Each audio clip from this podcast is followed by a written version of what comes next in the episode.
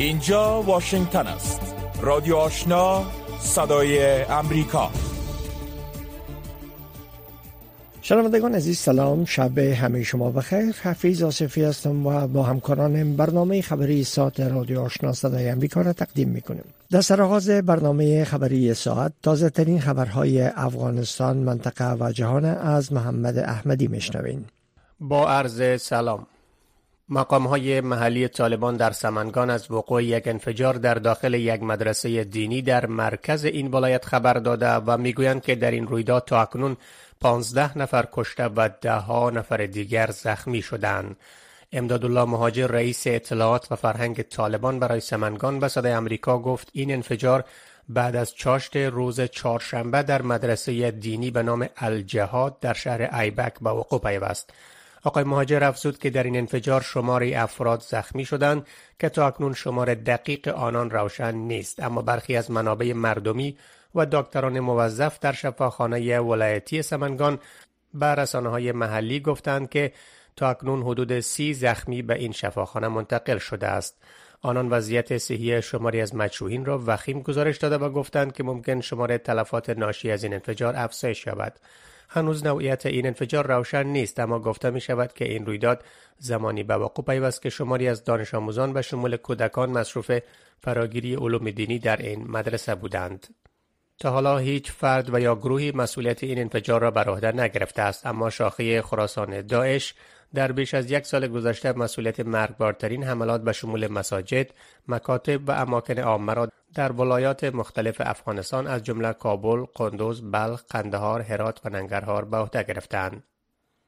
نماینده ویژه وزارت خارجه امریکا در امور حقوق بشر و زنان در افغانستان می‌گوید که اگر نیمی از جمعیت یک جامعه از مشارکت در اجتماع محروم باشند رهبران جهان به ویژه کشورهای اسلامی باید برای ارزش ثبات و رفاه یک پیام قوی و واحد بدهند شرح بیشتر این خبر از نسرین محمود عزیزی رینا امیری نماینده ویژه وزارت خارجه امریکا در امور حقوق بشر و زنان در افغانستان از های زنان افغان در روز جهانی مدافعان حقوق بشر قدردانی کرد و گفت این زنان در حال برای احقاق حقوق خود مثل آموزش و کار جهت فراهم کردن غذا به خانواده هایشان مبارزه می کنند که با تهدید، خشونت و زندانی شدن مواجهند. این مقام وزارت امور خارجه امریکا ناوقت روز سه شنبه در سلسله تویت های تاکید کرد که مشارکت همه جانبه زنان نباید قابل بحث باشد. خانم امیری در حال بر مشارکت اجتماعی زنان تاکید می کند که جمعی از کارشناسان ملل متحد با تاریخ 25 ماه نوامبر گفتند عملکرد طالبان در مقابل زنان و دختران افغانستان ممکن به مسابه جنایت علیه بشریت باشد و خواستار تحقیقات و پیگرد این اعمال مطابق قوانین بین المللی شدند. بعد از تسلط طالبان بر افغانستان اکثریت دختران و زنان از کار و تحصیل منع شدند و این محدودیت خشم جهانیان و مردم عادی افغانستان را برانگیخته است مرکز خبرنگاران افغانستان می‌گوید که طالبان اتلخان استانگزی مدیر مسئول رادیوی همیشه بهار در شهر جلال آباد را به دلیل نشر یک مطلب در صفحه فیسبوکش بازداشت کردند. مرکز خبرنگاران افغانستان خواستار رهایی بدون قید و شرط آقای استانگزی از بند طالبان شده و از های محلی این گروه در ننگرهار خواسته است که باید به خبرنگاران اجازه دهند تا بدون ترس از پیگرد آزادانه به کار حرفه خود ادامه دهند. دفتر حمایت از رسانه های آزاد افغانستان نی نیز در خبرنامه خواستار رهایی بیدرنگ این خبرنگار محلی در ننگرهار شده است. مرکز خبرنگاران همچنان گفته بود که در این مدت 130 مورد بازداشت موقت توأم با خشونت و تهدید توسط طالبان به ثبت رسیده است. با چند خبر از سایر نقاط جهان مقام های امنیتی پاکستان از وقوع یک حمله انتحاری در ایالت بلوچستان این کشور خبر داده که به گفته آنان در این انفجار تا اکنون سه نفر کشته و کم از کم 28 نفر دیگر زخمی شدند. این حمله انتحاری صبح روز چهارشنبه در منطقه بللی از مربوطات شهر کویته ایالت بلوچستان به وقوع پیوست و هدف آن موتر گزمه پلیس پاکستان بوده است. عبدالحق یک تن از مقامهای پلیس شهر کویته به خبرگزاری رویترز گفته است که در میان کشته شدگان یک منصوب پلیس و دو غیر نظامی شامل است. این مقام پلیس همچنان گفت که در این انفجار 28 نفر به شمول 15 منصوب پلیس زخمی شده که آنان برای درمان به شفاخانه های نزدیک محل این انفجار منتقل شدند. غلام هر محسر یک تن از مقام های دیگر پلیس شهر کویتا به خبرنگاران گفته است که این انفجار زمانی به وقوع پیوست که نیروهای پلیس آن کشور برای تامین امنیت تیم های واکسین پولیو به محل رفته بودند. وزارت دفاع ایالات متحده می‌گوید که زرادخانه هسته چین تا سال 2035 میلادی به بیش از سه برابر و به 1500 کلاهک هسته‌ای خواهد رسید. ادامه خبرها را از رادیو آشنا صدای آمریکا از واشنگتن میشنوید. امانوئل مکرون رئیس جمهور فرانسه برای اولین دیدار رسمی در ریاست جمهوری جو بایدن وارد ایالات متحده شده است. دیدار این هفته مکرون احیای نمایش دیپلماتیکی است که به خاطر همهگیری ویروس کرونا به حالت تعلیق درآمده بود. ارتباط بایدن و مکرون از آغاز پرتلاتوم تغییر کرده است. مکرون به طور مختصر سال گذشته سفیر فرانسه در ایالات متحده را بعد از آن فراخوان که قصر سفید یک معامله را برای فروش چندین زیردریایی هسته‌ای به استرالیا اعلام کرد. آن معامله به قراردادی آسیب رساند که فرانسه باید زیردریایی هایی با سوخت تل دیزل را می فروخت. امروز مکرون یکی از هم آهنگترین متحدین اروپایی در پاسخ غرب به تهاجم روسیه در اوکراین است. لوید آستین وزیر دفاع ایالات متحده امریکا از ایوان بلاسکویز همتای کلمبیایی خود در مقر وزارت دفاع امریکا برای یک ملاقات دوجانبه با تاکید بر روابط قوی دفاعی امریکا و کلمبیا استقبال کرد. آستین از همکاری های کلمبیا در امنیت بین المللی و منطقوی به حیث یک متحد غیر عضو ناتو برای ایالات متحده و به حیث یک شریک جهانی ناتو قدردانی کرد. آستین در آغاز دیدارش گفت که این گفتگوی سالانه اساسی را برای بحث روی چگونگی کار نزدیکتر برای مسئول ساختن همسایگی و شوگفانی بیشتر پایگذاری می کند. وزرای دفاع کلمبیا و امریکا همچنین علاقه مشترکشان را در تعمیق همکاری روی مسائل استراتژیک شامل همکاری امنیتی بین المللی، مبارزه با قاچاق مواد مخدر و اجرای کردن توافق صلح بحث کردند. وزرای خارجه ناتو امروز چهارشنبه تلاش کردند تا به کشورهای شکننده در همسایگی روسیه اطمینان دهند که از بیثبات شدن توسط روسیه در پیوند به ادامه جنگ اوکراین کم شدن تأمین انرژی و بلند رفتن قیام بیم دارند. و یک خبر از جام جهانی فوتبال قطر استفنی فرپارت، نیوزا بک و کرن دیاز سه زنی هستند که اولین تیم داوران زن در مسابقه فوتبال جام جهانی مردان خواهند بود. این سه زن مسئول داوری رقابت تیم‌های کاستاریکا و آلمان را به روز پنجشنبه این هفته به عهده خواهند داشت. فراپارت اولین داور اصلی زن خواهد بود و نیوزا و دیاز کمک داوران او خواهند بود. سلیما موکاسانگا و یاماشیتا دو زن دیگر نیز در مسابقات فوتبال جام جهانی قطر داوری خواهند کرد. این بود مشروع خبرها از رادیو آشنا صدای آمریکا از واشنگتن. شنوندگان گرامی رادیو آشنا صدای امریکا نشرات رادیو آشنا را در موج متوسط 1296 موج کوتاه 11575 اعشاری صفر و در موج 972 کیلوهرتز شنیده می توانید.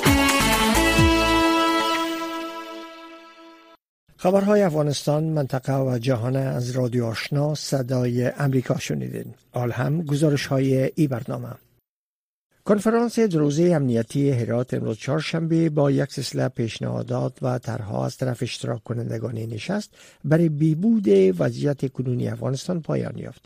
در رابطه به که چه کسانی در این نشست اشتراک داشتند و این نشست به چه نتیجه انجامید نجیب خلیل از شهر دوشنبه گزارش میدم کنفرانس دروزه امنیتی هرات امروز چهارشنبه با نشر یک سلسله پیشنهادات و طرحها از سوی اشتراک کنندگان این نشست برای بهبودی وضعیت کنونی افغانستان پایان یافت.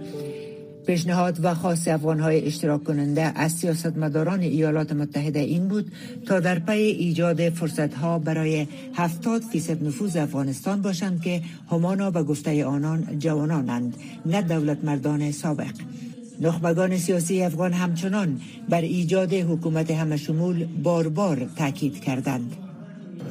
در افغانستان یک فاجعه بینظیر اقتصادی، سیاسی و انسانی در جریان است. افغانستان دارای یک دولت ناکام است. متاسفانه ما بعد از 20 سال تلاش برای دولت سازی پس به آغاز برگشتیم و یک گروهی که نه توانایی و نه هم اراده ایجاد یک دولت فراگیر ملی مبتنی بر عدالت دارد در افغانستان حاکم شده است و چنین گروه های توانایی ایجاد یک دولت خدمتگزار مردم را ندارد. صحبت های امروز تا جایی که پیش رفته بیشتر در مورد ازی است که چگونه از میراث های مشترک فرهنگی برای مبارزه با بنیادگرایی و ایجاد صلح و اماهنگی در منطقه می‌تونیم استفاده کنیم. فوزی کوفی عضو پیشین پارلمان افغانستان برگزاری همچو کنفرانس را برای بهبودی وضعیت افغانستان ضروری و ارزشمند خواند. من فکر می‌کنم ما نظر به هر زمان دیگه فعلا به نشست های ضرورت داریم که دید با آینده داشته باشه دیدگاهی را نسبت با آینده افغانستان ارائه کنه و در نتیجه از او یک انسجام سیاسی و یک اجماع سیاسی میان نخبگان سیاسی و جامعه سیاسی افغانستان جامعه مدنی شکل بگیره برخلاف دیدگاه اکثر اشتراک کنندگان این کنفرانس جنرال اسد دورانی رئیس سابق آی پاکستان با برگزاری این گونه کنفرانس ها در خارج از افغانستان موافق نیست. تنها به خاطر این گونه کنفرانس ها اعلامیه ها گفتگوها انتقادات بالای هم چیز تغییر نمی کند تغییر در داخل به دلایل دیگر می زنان در افغانستان از موضوعات عمده بود که همه اشتراک کنندگان این کنفرانس بر آن تاکید کردند. کارن دکر شاجدافر سفارت ایالات متحده برای افغانستان در این نشست ضمن تاکید بر رعایت حقوق زنان گفت که این چیز نیست که جامعه بین المللی آن را انجام دهد بلکه افغانها خودشان چه در داخل چه در خارج باید دست به دست هم دهند و برای حصول حقشان مبارزه کنند. در همین حال احمد مسعود رهبر جبهه مقاومت ملی با حضور در آخرین دقایق این کنفرانس ضمن اشاره به مشکلات و بحرانهای موجود در افغانستان از جامعه جهانی خواست تا برای اعاده حقوق شهروندان افغانستان به خصوص زنان همکاری کند. او افزود که مردم افغانستان لایق شرایط بهتر و یک زندگی آزاد و شرافتمند و مستقل هستند و باید سرنوشت خود را خودشان تعیین کنند. امروز در مجموعه نشست دو روزه صحبت ها و نظرات بسیار خوبی توسط اندیشمندان مطرح شد که یک نگرانی های جدیدی و عمیق دیگری را مطرح می‌کنند که باید توجه جدی به ما صورت آقای مسعود در اشاره به حکومت داری طالبان گفت که آنها به هیچ اصول باورمند نیستند و هیچ دروازه به جز دروازه مبارزه را برای مردم افغانستان باز نگذاشتند. در دهمین کنفرانس امنیتی هرات که با حضور صدها تن از نخبگان سیاسی افغانستان و کشورهای مختلف جهان به شمول ایالات متحده، کانادا، بریتانیا، فرانسه و آلمان برای دو روز برگزار شده بود، نمایندگان طالبان حضور نداشتند و با وجود تماس های پیهم صدای امریکا در خصوص این کنفرانس و شرکت نمایندگان حکومت طالبان ابراز نظر نکردند.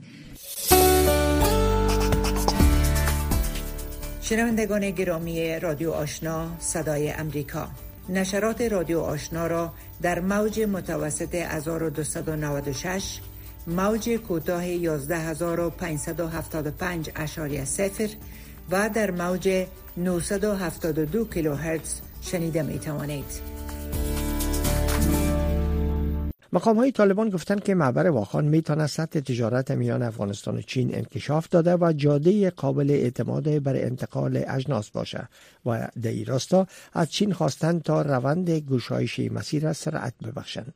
در حالی که پیچیدگی های اقتصادی و سردرگمی های سیاسی و امنیتی برای مردم افغانستان سوال برانگیز است افغانستان در فعال ساختن راه باخان با چین تا چی حد پیش خواهد رفت در این رابطه نسرین محمود عزیزی مصاحبه با آقای آزرخ شافیزی عضو هیئت رهبری اتاق تجارت و سرمایه گذاری افغانستان انجام داده که با هم میشنویم.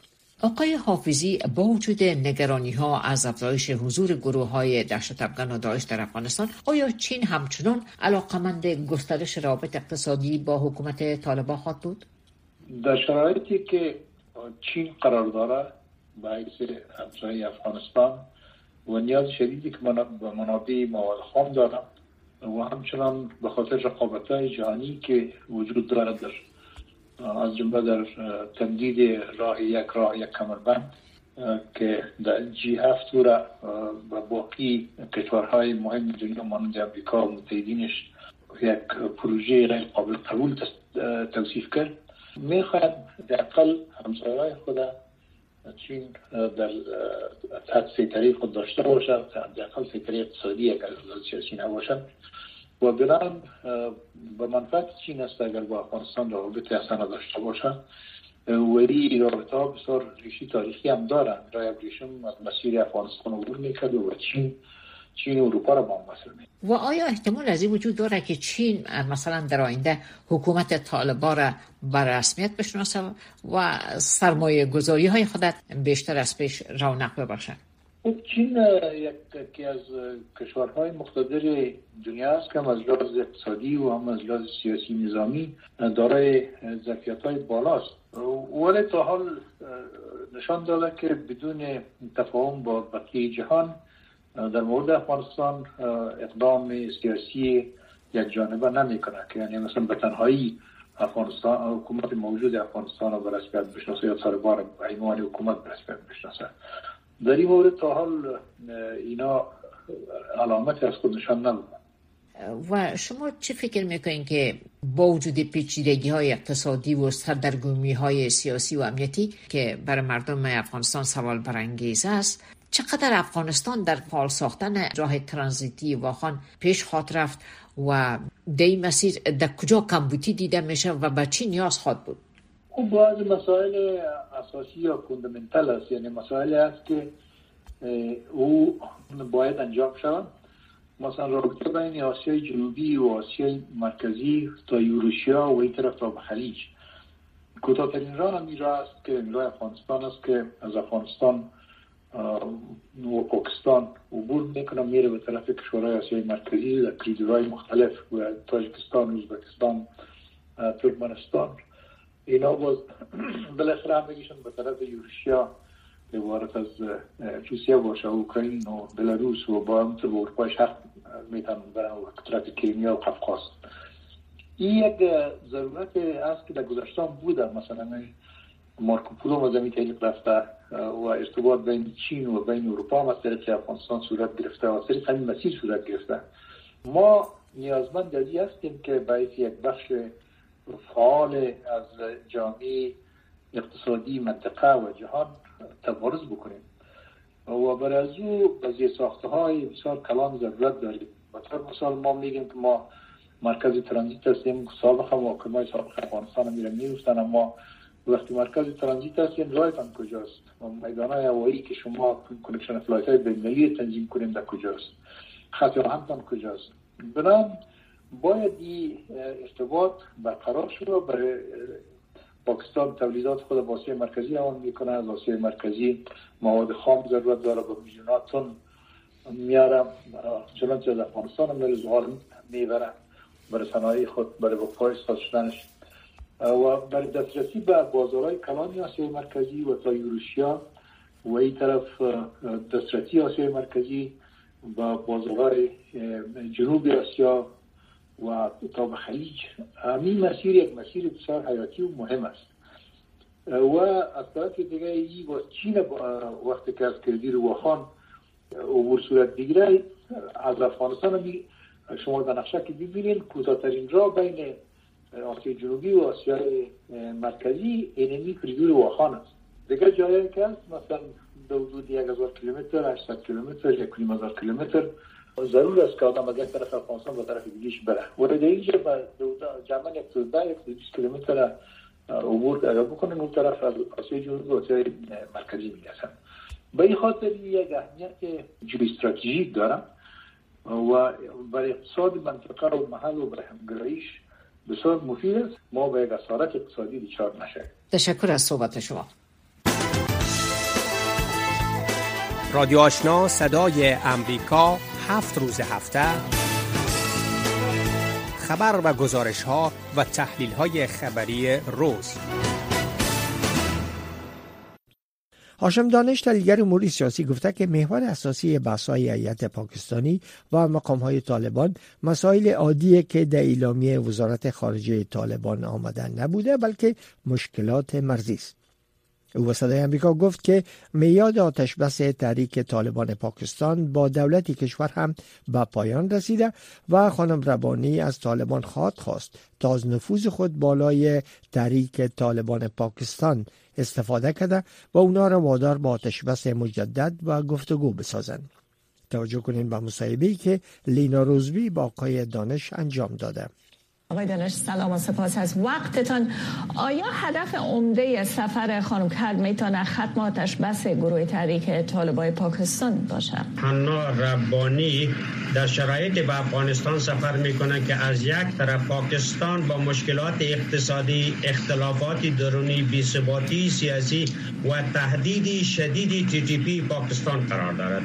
به این لحاظ است اگرچه در سفر خود در وزارت خارجه بسیار موضوعات عادی را عنوان کردن که عبارت از رشد و توسعه اقتصادی موضوع زندانیا و ایناست.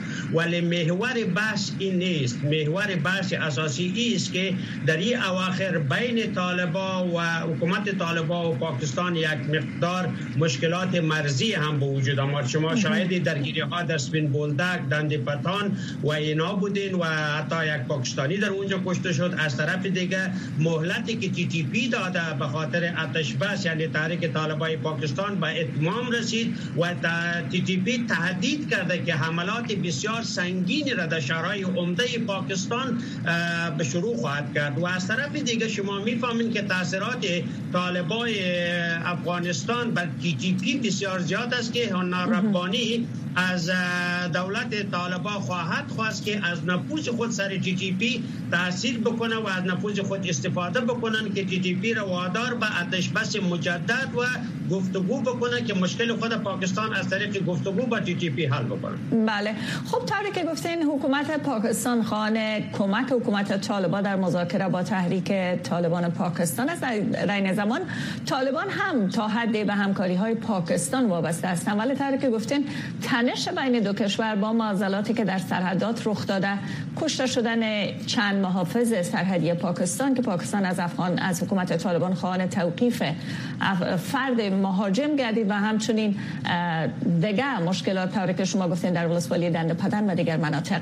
و نظر شما خانم ربانی هر قادر به این خواهد بود که یک مذاکره از این نوع از جانب حکومت پاکستان با طالبان به نتیجه برسانه روی موضوعات ارشد و مهم. گرچه مسائل مورد بحث زیادتر مسائل استخباراتی و نظامی است و سفر هانا ربانی یک سفر سیاسی و دیپلماتیک هستند اما اصلی موضوع اینمی است و دلیلش چرا اینا انتخاب شد دو علت عمده داشتن. یکی که شما می‌فهمید در شرایطی که هانا ربانی سفر می‌کنن به یک حکومت منزوی نظیر حکومت طالبا که هیچ نوع مشروعیت و بین المللی و ملی ندارند در شرایطش بسیار مهم و اساس هم هست و طالبا. و بسیار آیز اهمیت هم هست. و می‌تواند با باز شدن دریچه دیپلماتیک سایر کشورها هم باشند که از تقلید بکنن. یک موضوع موضوع اساسی است که طالب امروز دولت پاکستان بیشتر ضرورت نسبت به طالبا که بر پاکستان داشته باشد پاکستان ضرورت بیشتری به این موضوع دارند دلیلش است که پاکستان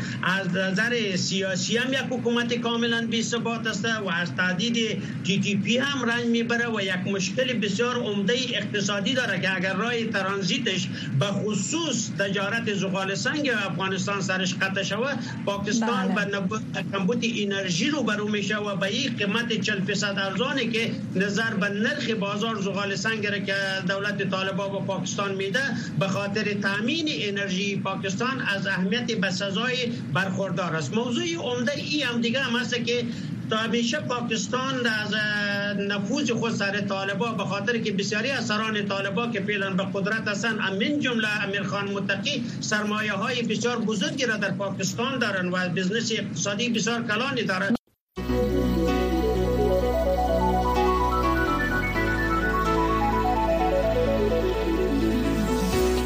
صدای امریکا در فیسبوک facebook.com voa دری. با ادامه اعتراضات ضد دولتی در ایران تنشهای تهران در حال با همسایگانش تشدید یافته که این کشور اونا را به دخالت در امور داخلی خود متهم ساخته. یکی از این همسایه ها هم آذربایجان است که از حمایت ترکیه در برابر ایران برخوردار است. دوریان جونز خبرنگار صدای امریکا از استانبول. گزارشی در این مورد فرستاده که جزئیات او را از رویا زمانی مشنوین ایران با اتهامات فزاینده از سوی همسایگانش مبنی بر اوضاع داخلی آن کشور که تنش‌های منطقه‌ای را افزایش می‌دهد روبرو است. تهران اخیرا های نظامی را در مرز آذربایجان انجام داده و با باکو هشدار داده است که اقلیت قابل توجه آذری ایران را تحریک نکند. سپاه پاسداران ایران حملات متعدد تیاره های بی پیلوت را علیه گروه های کرد مستقر در منطقه نیمه خودمختار کردستان عراق انجام داده است زیرا ایران این گروه ها را به تحریک اقلیت کردهای ایرانی متهم می کند زاور گازموف کارشناس منطقه در دانشگاه بن می‌گوید که این تمرین ها و حملات بخش از یک سیاست سیستماتیک از سوی تهران است. Iran tries to shift the attention of the Iranian population towards foreign policy, towards conflict on the border. ایران تلاش می کند توجه ایرانی ها را با سمت سیاست خارجی، با سمت درگیری مرزی و با سمت قطبی شدن با کشورهای همسایش سوق دهد. این تمرین های نظامی نه تنها در شمال در مرز با جمهوری آذربایجان بلکه با عراق و ترکیه نیز صورت گرفته است. بنابراین این خود همانند پیام به کشورهای منطقه است. اما بیشتر پیام به مخاطبان محلی در داخل ایران می باشد اما باکو در واکنش این اقدام تهران تمرین های نظامی خود را در مرز با ایران انجام داده و در همین حال نیروهای امنیتی آذربایجان در ماه جاری 19 نفر را به اتهام جاسوسی برای ایران بازداشت کرده است. حسین باخ رئیس مؤسسه سیاست خارجی مستقر در انقره می‌گوید که باکو با حمایت ترکیه که بخشی از آنها در یک توافق دفاع مشترک ذکر است تشویق و جسور شده است. Turkey and uh, Azerbaijan are brothers, friends, and they have this Susha uh, agreement, uh, which is not binding but important. ترکیه و آذربایجان با هم برادر و دوست هستند و بین آنان توافق شوشا موجود است که اساسا لازمی نه بلکه حیاتی است. اگر آذربایجان مورد حمله قرار بگیرد و یا با خطر مواجه باشد ترکیه بدون قید و شرط به کمک آذربایجان خواهد شتافت. ایران تلاش می کند نفوذ خود را گسترش دهد اما ترکیه مانند مانع برای متوقف کردن نفوذ ایران در آذربایجان ایستاده است. حمایت نظامی ترکیه در سال 2020 برای آذربایجان. زمان حیاتی ثابت شد که نیروهای آذربایجان نیروهای تحت حمایت ارمنستان را در درگیری بر سر منطقه مورد مناقشه نگورنو قرباق قاطعانه شکست داد. در ماه جاری الهام علیوف رئیس جمهور آذربایجان تهران را به دلیل انجام تمرین های نظامیش محکوم کرد و قول داد که از دولت سکولر و قومی آذربایجان و ایران دفاع کند. گازمیک تحلیلگر می‌گوید که گام قاطعانه علیوف رئیس جمهور آذربایجان در قبال تهران تغییر قابل توجهی برای منطقه است. The last three decades, actually, Baku was very cautious in its relationship to the very large Azeri-speaking uh, community in northern Iran. But we have seen the uh, در سه دهه گذشته باکو در رابطهش با جامعه بسیار بزرگ آذری زبان در شمال ایران محتاط بوده اما انجام تمرین های نظامی در مرز با ایران توسط نیروهای آذری با عنوان واکنش به تمرین های نظامی ایران و در عین حال گفتمان جدیدی در باکو در درباره آذری زبانان ایرانی پیام به سیاستمداران ایران بود که بیانگر این است که چیزی در منطقه تغییر کرده است. باکو در اقدامی که تحلیلگران می‌گویند تهران را بیشتر خشمگین می‌سازد گشایش سفارت آذربایجان در اسرائیل است. دو کشور با وجود های تهران روابط نزدیک نظامی دارند. در حال حاضر انقره از اظهار نظر در مورد آشفتگی در ایران خودداری کرده است اما برخی تحلیلگران هشدار می‌دهند که اگر تهران تنشها را با باکو افزایش دهد خاموشی ترکیه با امتحان مواجه خواهد شد. شنوندگان عزیز. ای بود داشته های برنامه خبری که در همینجا به پایان رسید. اما نشرات پشتو و دری رادیو آشنا صدای امریکا همچنان ادامه داره. شنونده رادیو آشنا باشید.